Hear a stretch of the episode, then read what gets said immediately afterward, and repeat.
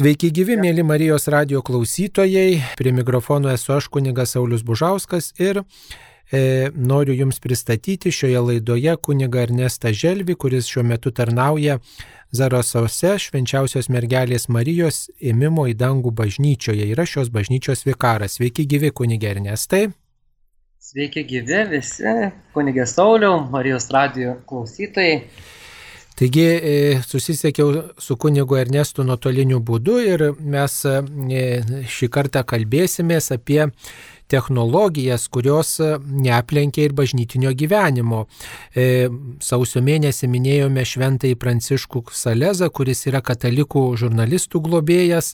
Taip pat minime įvairius bažnyčios mokytojus ir kitus šventuosius, kurie štai, e, na, susiduria savo gyvenime su Evangelijos skelbimu ir mes nuolat girdime tokį paraginimą skelbti e, e, Evangeliją, skelbti tikėjimą ir tam skelbimui nepaprastai pasitarnauja technologijos, įvairios šiuolaikinės technologijos. Katalikų bažnyčia taip pat daugiau ir mažiau tas technologijas naudoja. Ir e, šiuo pandemijos metu, kuris nuvilnijo per visą pasaulį, karantino sąlygomis, bažnyčios nariai, kunigai ir pasauliečiai išmoko e, naudotis įvairiomis technologijomis.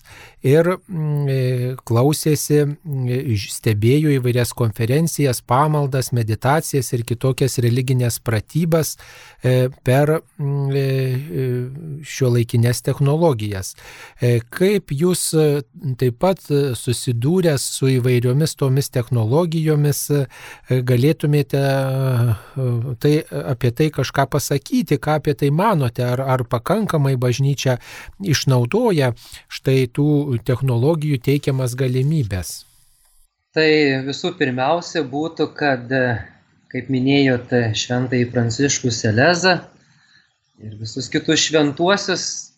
Ir mes patys nežinome, kokia bus ta mūsų gyvenimo ateitis, kaip čia Dievo akise būsim nusipelnę gyvenime ir kiek būsime padarę viską iš savęs, kad Dievo meilė, gailestingumas paliestų kiekvieną sutiktą į žmogų, nes kiekvienas žmogus, aš nuolat dirbdamas biržuose minėdavau, kad yra dovana, mums visiems ir tas dovanas, kurias gaunam savo gyvenime, jas tiesiog nepasidedam kažkur, bet su jomis gyvenam, parodom, kokie patys esam, ką mylime gyvenime, kokią vietą man gyvenime užima pats Dievas. Tai aš tikiu ir kiek esu skaitęs įvairius šventuosius, tai kiekvienas šventasis turėjo savo gyvenime ir įvairiausių sunkumų, susidūrimų, kaip paskleisti tą Dievo meilę. Neišimtis ir pats Pranciškus Selezas, kuris bandė savo tikinčiuosius pasiekti žodžiu, paskleisti Dievo meilę.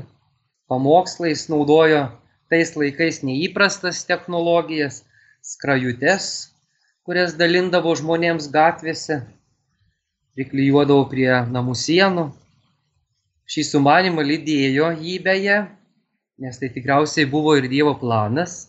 Aš tikiu, kad Dievo planas ir dabar yra.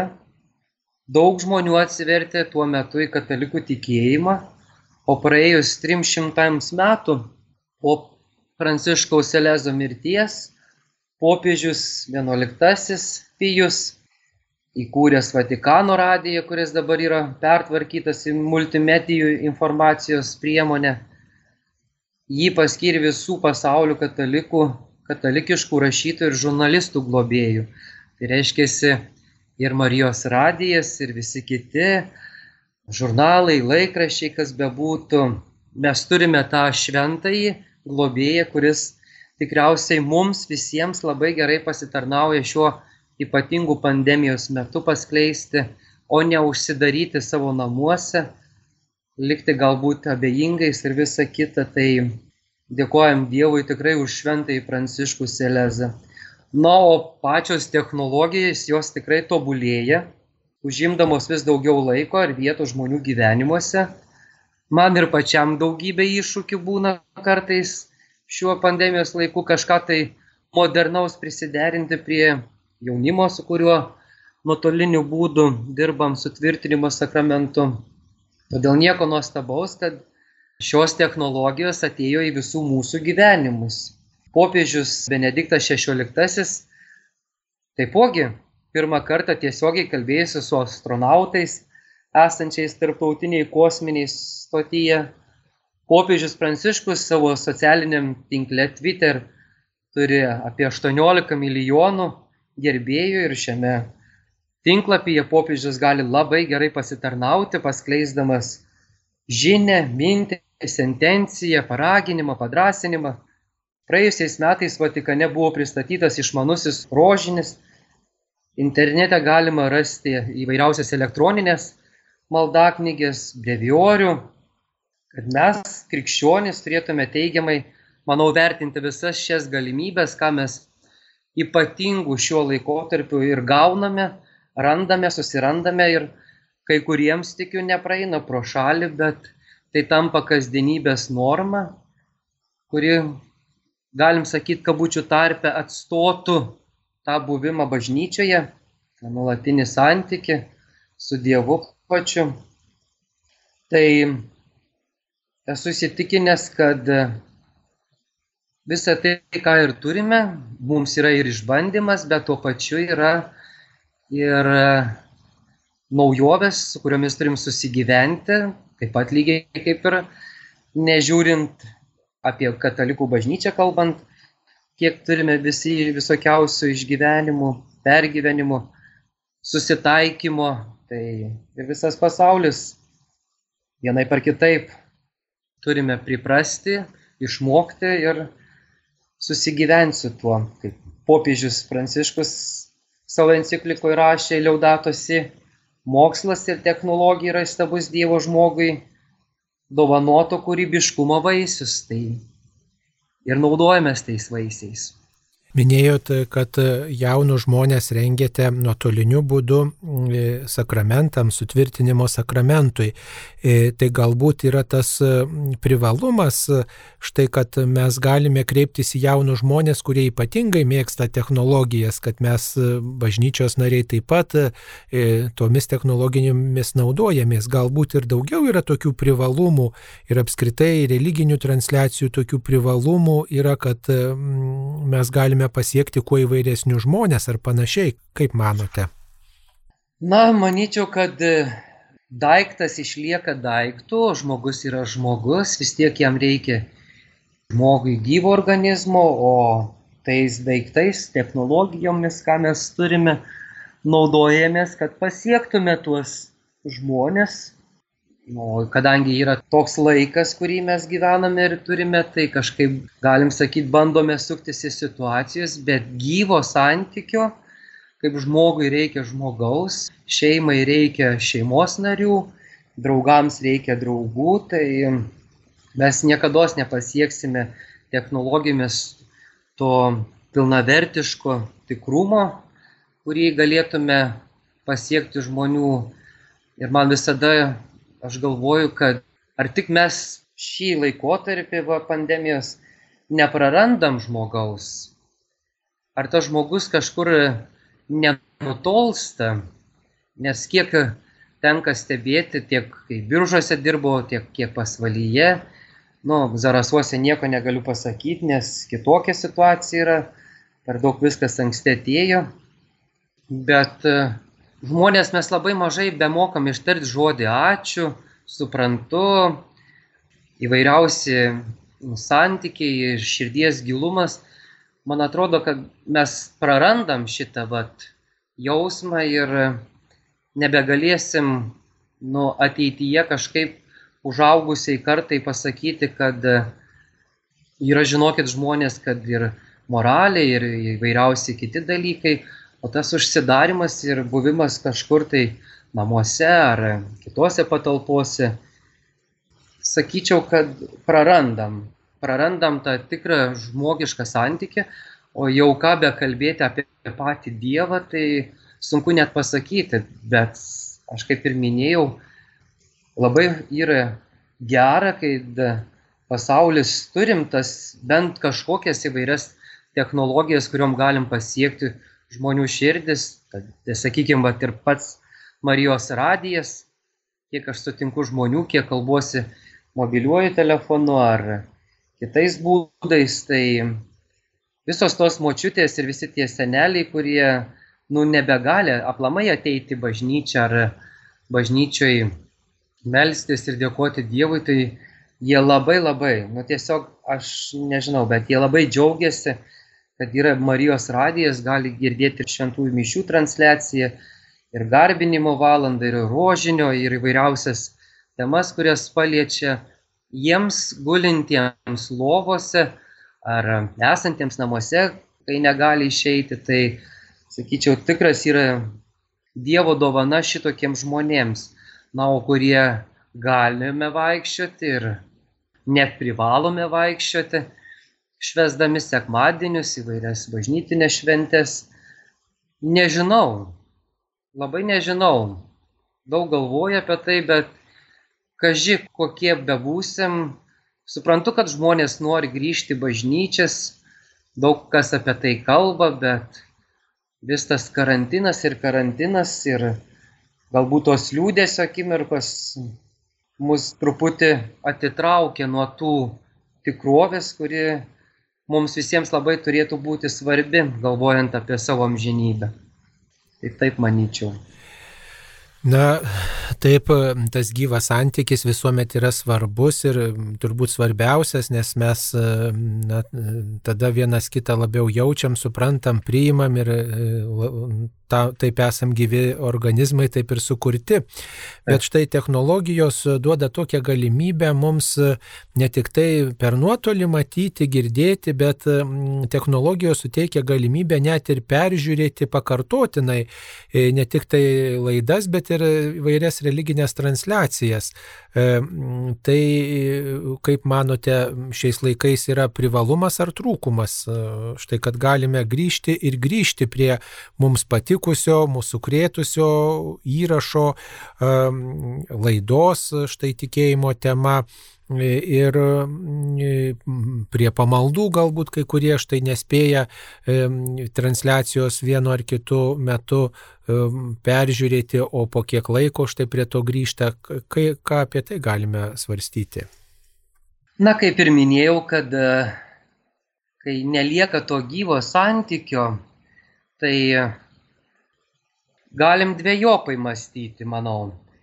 Tas, kuris yra iš praeities, mūsų seneliai, kurie turi tikrą tikėjimą ir juo gyveno ir gyvena, tai manau, kad tas tikėjimas juose ir išliks.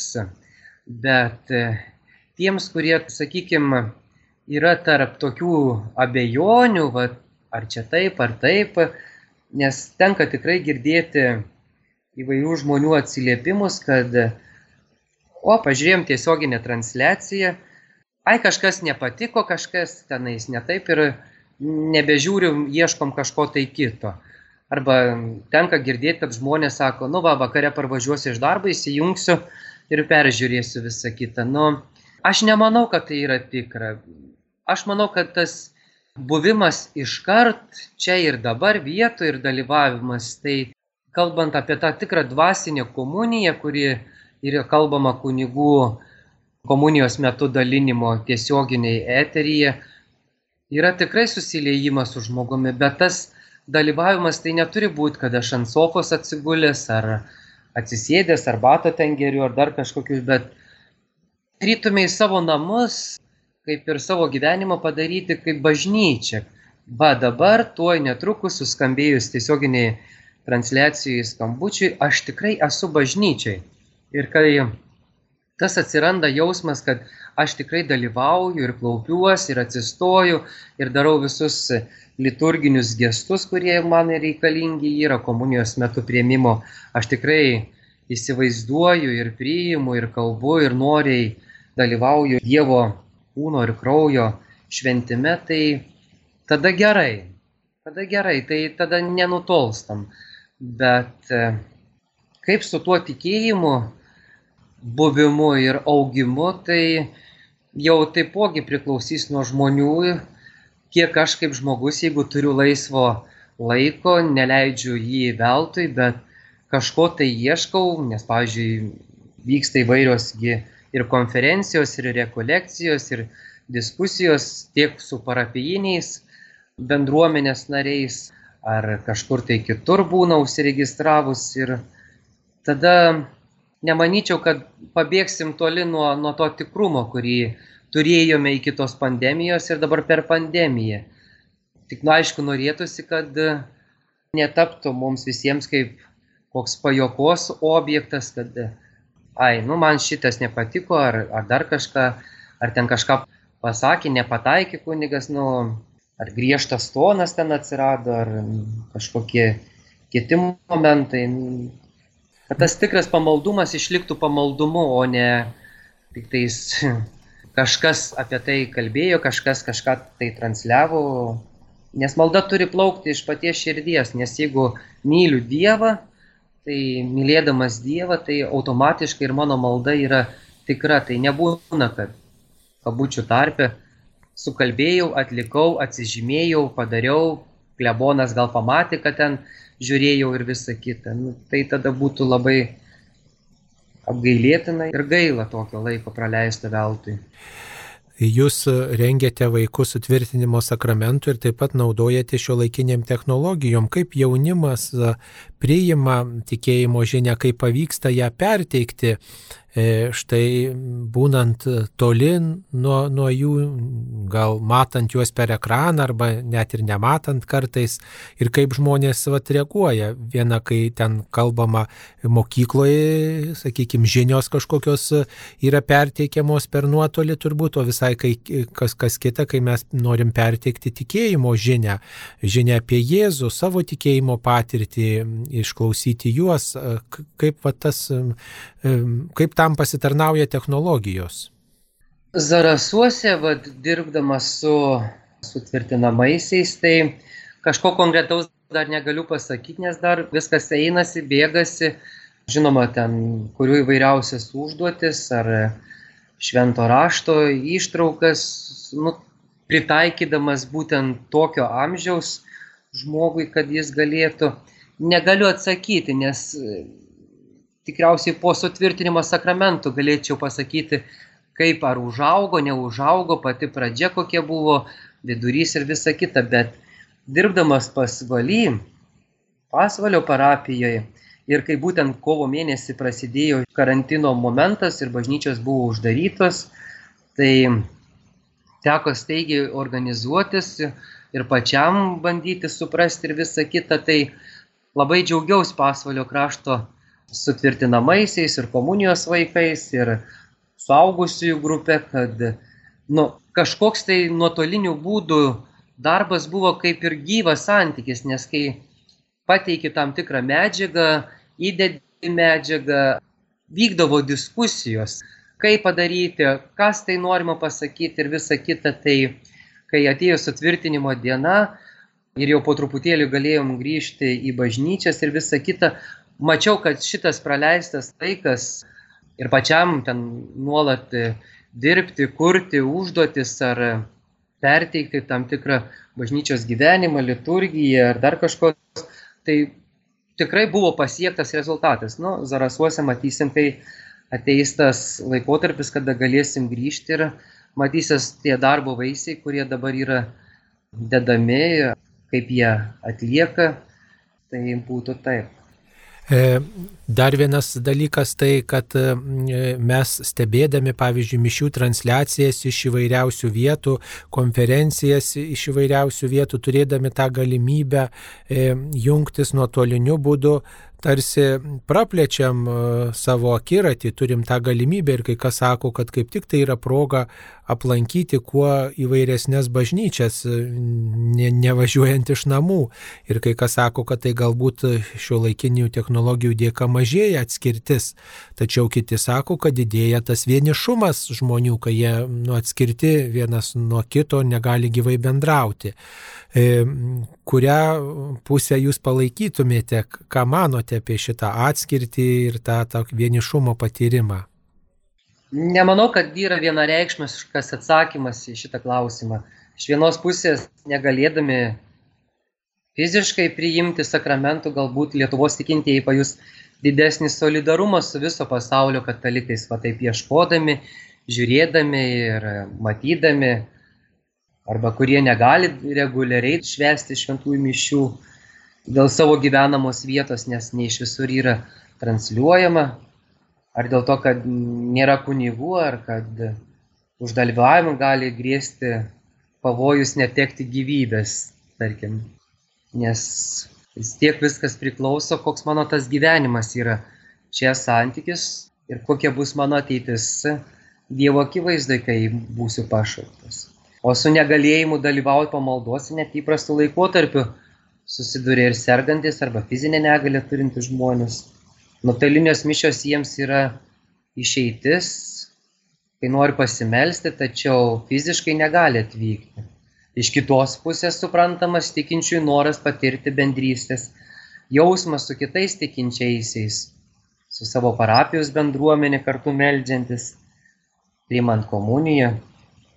Kaip pastebėjo viena parapijietė, jautiesi tarsi uždarytas kalėjime, nematydamas kitų besimeldžiančių, tik parapijos kleboną, kuris tenais vienokiu ar kitokiu balsu aiškina tikėjimų tiesas, kuriam atrodo, kad kartais visai nesvarbu, kaip tu jautiesi, bendraudamas su kompiuteriu ar televizorium. Bet vis tiek išlieka ta žmonių atskirtis. Nu, labai svarbus yra tas gyvas santykis.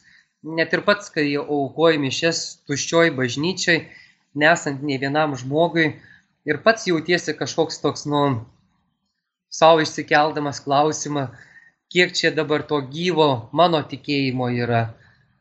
Na, nes vis tiek reikia, kad sakydamas viešpat su jumis ir tau nieks nieko neatsako. Būna nu taip kažkaip pats savo atsakinėji, atrodo, kad pakliuvai į kažkokią bedugnę ir lauki, kada kažkas tai ištrauks iš tos bedugnės ir galės pamatyti dienos šviesą, žmonės, tos gyvus jausmus ir vis tiek aš toks mėgėjas esu kartais kokį terpti juoką homilijos metu, tai matau, kada žmonės nusišypso ir tas toksai va ateina, kad tai, ką tu pasakėjai, palėtė žmogų, o dabar tiesiog būna tos transliacijos, kuriuose nu tos šviesos, o taip norėtųsi, kad ta šviesa ateitų. Na, mišių transliacijos sulaukia kartais net kelių tūkstančių peržiūrų. E, tai daug daugiau negu gali tilpti bet kurioje Lietuvos bažnyčioje. Ir nors ir gal atrodo liūdna aukoti vienam šventasias mišes tuščioj bažnyčioje, tačiau jeigu štai peržiūrė, peržiūri šimtai ar net tūkstančiai žmonių, tai galbūt tokiu būdu yra skatinamas pamaldumas, gal tokiu būdu beldžiamės į daugelio žmonių širdis, kurie šiaip gal neperžiūrė peržengtų bažnyčios lenkščių? Abejoju, ar tai susijęs su pamaldumu iš tikrųjų būtų, nes tikras tikėjimas neatsiranda taip paprastai. Ne kaip šis virusas, kuris, va, tarytumai vieniems iš oro, kitiems iš kažkur tai, arba kiti, kurie realiai supranta, kad jis egzistuoja. Nes virusas, kuriuo su kosėjus galim užsikrėsti, tai pamaldumas tikrai iš šito dalyko neatsiras, kad aš ten, kaip minėjau, jau peržiūrėjau. Atrodo, klebonas pažiūrės, peržiūrės, kas čia tokie buvo prisijungę, pamatys, ar buvo tie parapiečiai, nebuvo. Pamaldumą iš tikrųjų skatina tikinčio asmeninį santykių su Dievu. Tikras santykis su Dievu. Jo buvimo jautimas čia ir būtent dabar. Ne kažkur, ne kažkada, ne kažkuriuo laiku peržiūrėtinais, Va, o juk melstis tai nekartoti kaip papūgai maldo žodžius tenais. Nes ta malda ir žodžiai, aš turiu žinot, ką aš kalbu, kodėl aš kalbu, kodėl aš dėkoju, kodėl aš atsiprašau. Malda turi plaukti iš paties, paties širdies. O kai, kaip minėjau, kai plaukia iš paties širdies, tai aš esu ir pasakau, kad Dieve, aš tave myliu. Turime vėl pajusti, kad mums visiems be galo reikia vienam kito, kad esame atsakingi už kitus ir už pasaulį, kuriame gyvenam, kad verta būti geriems ir sažiningiems. Tikėjimo reikalingumas man dėl mano amžinybės ir sažiningumo savo prieš patį Dievą ir prieš kitus artimus žmonės. Kai visą tai pripažinsim ir pradedame ir keistis ir keičiamės pradedam tada liūdėti gyvenimo gyvą tikėjimą, kuo aš tikiu, kuo gyvenu ir ką myliu.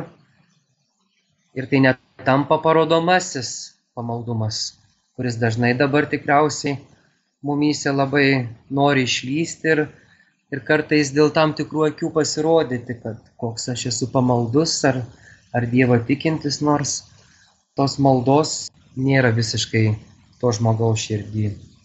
E, svarbiausias tas vidujiškumas turbūt iš tiesų, ką žmogus savo širdį išgyvena ir, ir bažnyčia tam ir ta, pasitarnauja, kad žadintų tų žmonių vidujiškumą. O vis dėlto, kaip bažnyčios nariai, kunigai ir pasauliečiai galėtų stengtis, kad krikščioniška žinia, e, kad ir naudojantis šio laikinėmis technologijomis, vis dėlto kuo labiau pasiektų tuos žmonės, kurie nutolia nuo, nuo bažnyčios ir galbūt niekada nesimeldžia. Tai čia vienareikšmiškai aš esu įsitikinęs, kad labai daug priklauso nuo kiekvieno žmogaus asmeniškai. Ar tai kunigas esi, ar klebonas, ar vyskupas esi, ar parapijėtis esi, nes mano gyvenimas turi parodyti, kuo aš gyvenu ir ko aš noriu iš šito pasaulio. Kiek pastangų aš kaip žmogus įdedu šiame gyvenime, kad paskleiščiau bent kažkiek kiek galiu ir kiek noriu tą Dievo meilę, tą, tą tikrą, tikrą tokį mylėjimą Dievą ir to tikėjimo pergyvenimo. Nes pagalvojus, kiek anuo metu, komunistiniais laikais ar kitomis pandemijos metais, ar netikėjimais, ypatingai dabar, kiek girdime, kad įvairiausiose šalyse ten nužudomi dėl tikėjimo, visa kita ir misionieriai eina vis tiek parodo, tai labai labai užkrečia kiekvieną. Paskaičius tų šventųjų visų gyvenimus, kaip jie kovojo, kaip jie mylėjo, tai labai užkrečia. Tai reiškia, aš kaip žmogus, būdamas ir gyvendamas, nes Dievas man būtent davė šį gyvenimą, tai reiškia, mano misija ir yra šiame gyvenime kažkam pasakyti, kad Dievas yra, kad Dievas be galo myli ir kad Dievas be galo visada laukia mūsų, nes kažkada čia, atrodo, savo socialiniam tinklapį Facebook'e užtikau įdomų tokį juoką, kad Šventas Petras sako Dievui, atėjo ateistai ir beldžiasi į dangų, ką man jiems atsakyti, o Dievas pasakyk, sako jiems, kad manęs nėra. Tai šitas momentas labai aiškiai pasako, kad kaip aš gyvenau šitą gyvenimą ir ko aš galiu tikėtis ateityje. Bet pirmiausia, mes, pašventintieji kunigai, turim rodyti tarpusavio pagarbą vienas kitam, brolišką meilę, nes žmonės viską mato, kokia yra bendruomenė, kaip e, kunigai gyvena, kuo kunigai gyvena. Ir šitas momentas labai gali ir turi užkrėsti kiekvieną žmogų, kuris yra ar labai arti bažnyčios, ar kažkur tai nutolęs, ar iš vis nesimeldžiantis, nes bendrauti, domėtis parapijos žmonių gyvenimais, ypač ko anais metais, nu, šiais metais praradom tą kalėdojimo momentą, džiaugsmą, pasidalymą su parapiečiais, juos aplankant, šventinant namus, bendraujant, guodžiantis, džiaugiantis ir visa kita, praradom mes kaip kunigai šį džiaugsmą. Bet matyt nieko nėra paslėpta, ko pas Dievą nebūtų žinoma, kodėl visa taip yra. Tai va, o mes kaip ir ar parapiečiai, ar kunigai neturim vaidinti, kad esam šventieji, visi esam klystantis, bet Dievas visada yra ištiesęs rankas, kad galėtų mums pagelbėti, pripažinti, kad esam nuodėmingi, saugoti kiekvienam iš mūsų reikia bažnyčios autoritetą padėti vieni kitiems kunigams, žmonėms padėti, ypač šiuolaikiniam jaunimui, kuriuo aš labai tikiu ir pasitikiu, kad jį galima išgelbėti ir turėti dar labai tvirtas, kaip pasakyti, žemaitiškai dušės gyvenime. Tai labai priklauso, kiek aš noriu, kad mano gyvenimas ir mano tikėjimas paliesti tų žmonių esančių šalia. Ir technologijos kažkiek pasitarnauja šiuo atžvilgiu tikrai. Švento rašto studijavimas gali būti ir įvairiausių, įvairiausių momentų. Užsiminėt apie socialinius tinklus, e, kuriuose taip pat dalyvaujate. Ir turbūt na, tas bendravimas, krikščionių bendravimas ir socialiniuose tinkluose turėtų būti kažkoks e, kitoks, galbūt mažiau pašaipos, e, kaip ir mes bendraudami su krikščionėmis gyvai, tikimės, kad neįžeidinės, neskaudins, nežemins. Ką galėtumėt pasakyti apie krikščionių bendravimą socialiniuose tinkluose, kur ten reikėtų taip pat krikščionėms atkreipti dėmesį, nes vis tiek ne tik tai tarpusavį bendraujam, bet irgi esame matomi, kaip su kitais bendraujam. Manyčiau, neilgą aš tą savo gyvenimo laikotarpį tokį jau turiu, kad galėčiau kažką tai pasakyti konkretaus, bet kažkiek tai turiu, nes aš visada galvoju, kaip Dievas pašaukė žmogų į tą šventumą ir kiek žmogus atsiliepia į tą šventumą. Ir tikriausiai viskas ateina iš mūsų praeities, iš mano vaikystės, iš mano paauglystės, kokius žmonės aš gyvenime buvau sutikęs, susidūręs ir kiek jie mano gyvenime paveikė. Pavyzdžiui, aš tai turėjau labai nuostabų savo vaikystėje kleboną, Dominikas Skirmantą tokį Kretingos rajone Laukžėmės kaime. Žmogus buvo, o ten buvo, negaliu pasakyti, kad dar nuostabesnis už kleboną, bet tikrai nuostabaus tikėjimo žmogus, tai Jonas, toks zakrastijonas, kuris mane visada traukdavo jo tas gailestingumas. Nu, aš pradėjau bažnyčiai patarnauti nuo šešių metukų, tai iki seminarijos išėjimo, tai praėjo per 14 metų aš nu, nematydavau, kad jis būtų kažką įžeidęs, paniekinęs, smerkęs ar dar kažkokiu kitų dalykų. Mano amžinatilsi močiutė ir viena Stanislava ir kita Jadvyga taipogi nerealaus tikėjimo iš tikrųjų ir to norėjimo, kad žmogus visada būtų laimingas, stengiasi ir visa kita.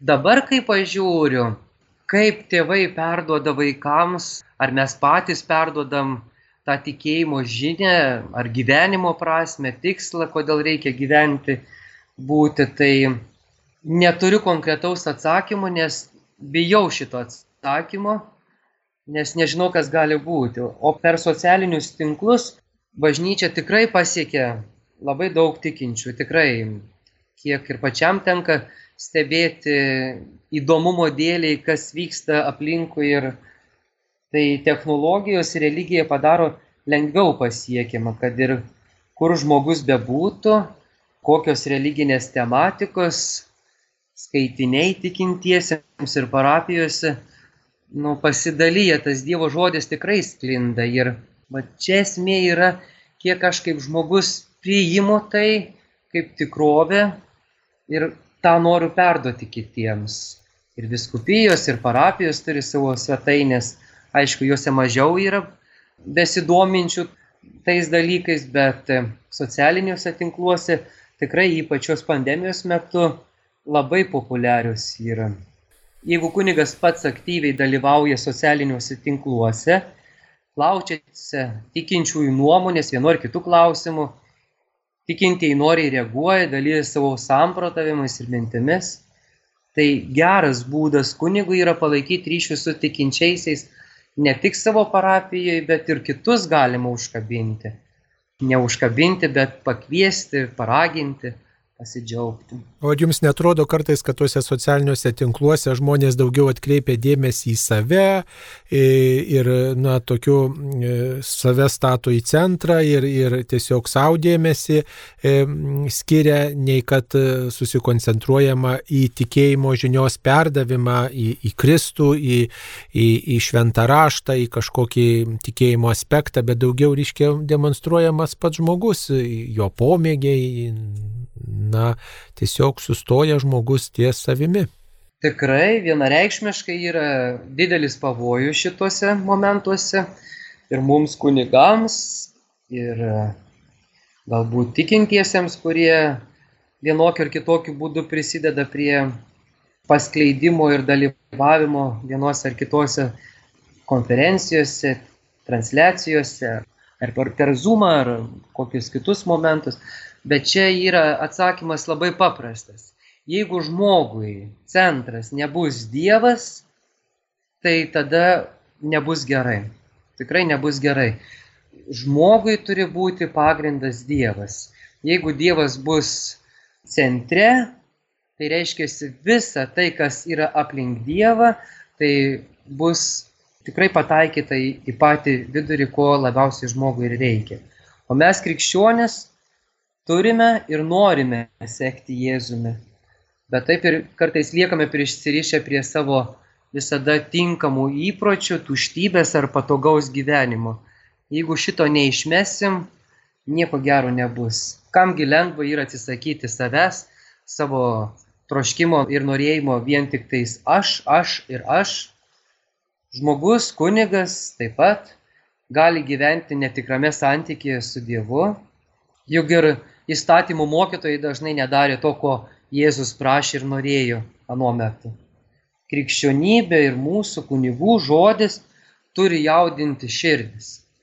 Tikrai turi paliesti širdis ir duoti tai, ko neduoda šio laikinė moralė ar viešoji nuomonė. Kodėl šventieji gebėjo ir vis dar geba paliesti širdis. Vat skaitai šventųjų raštus ir biografijas ir paliečia, nu, tu tiesiog užsinori vat, būti tokiu ar vienokiu.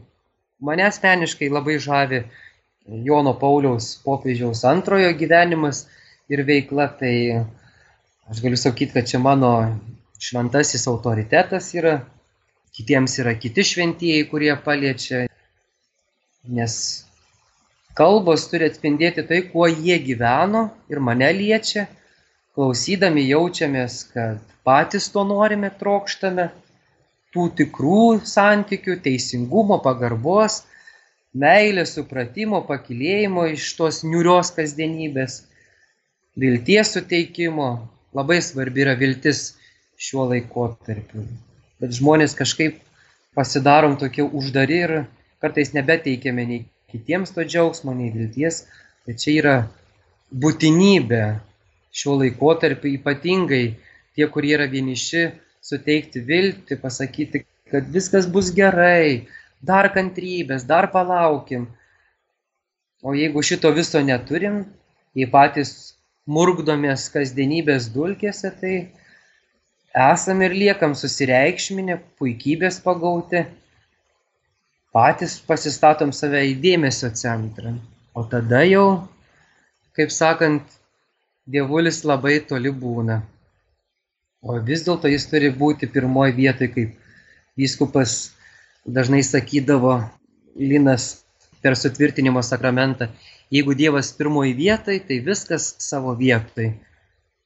Na taigi, turbūt ir technologijos galėtų mums padėti Dievą kelti iki, į pirmą vietą, kad ne save rodytume, bet stengtumės per įvairias technologijas, per įvairias priemonės, kurias viešpats dovanoja ir kurį žmogaus protas e, tas technologijas įsisavina, e, kad mes vis dėlto artėtume prie viešpaties, tenktumės pažinti ir, ir, ir daugiau sužinoti apie viešpatį ir kartu kitiems apie tai skelbti. E, taigi šioje laidoje, mėly Marijos radio klausytojai, kalbėjomės apie šio laikinės technologijas ir bažnyčios gyvenimą, kaip tai gali pasitarnauti, kokie yra iššūkiai ir kad vis tiek mes, nepaisant tų technologijų įvairovės, esam kviečiami į gyvą santykį ir į Dievo pažinimą, kad visą panaudotume tam, kad geriau viešpati pažintume ir kitiems keltume. Kuniga Ernesta Želvi, kuris tarnauja Zarasų švenčiausios mergelės Marijos ėmimo į dangų parapijoje kalbino aš kunigas Saulis Bužauskas. Būkite palaiminti visiems artimo ryšio su Dievu. Ačiū sudė.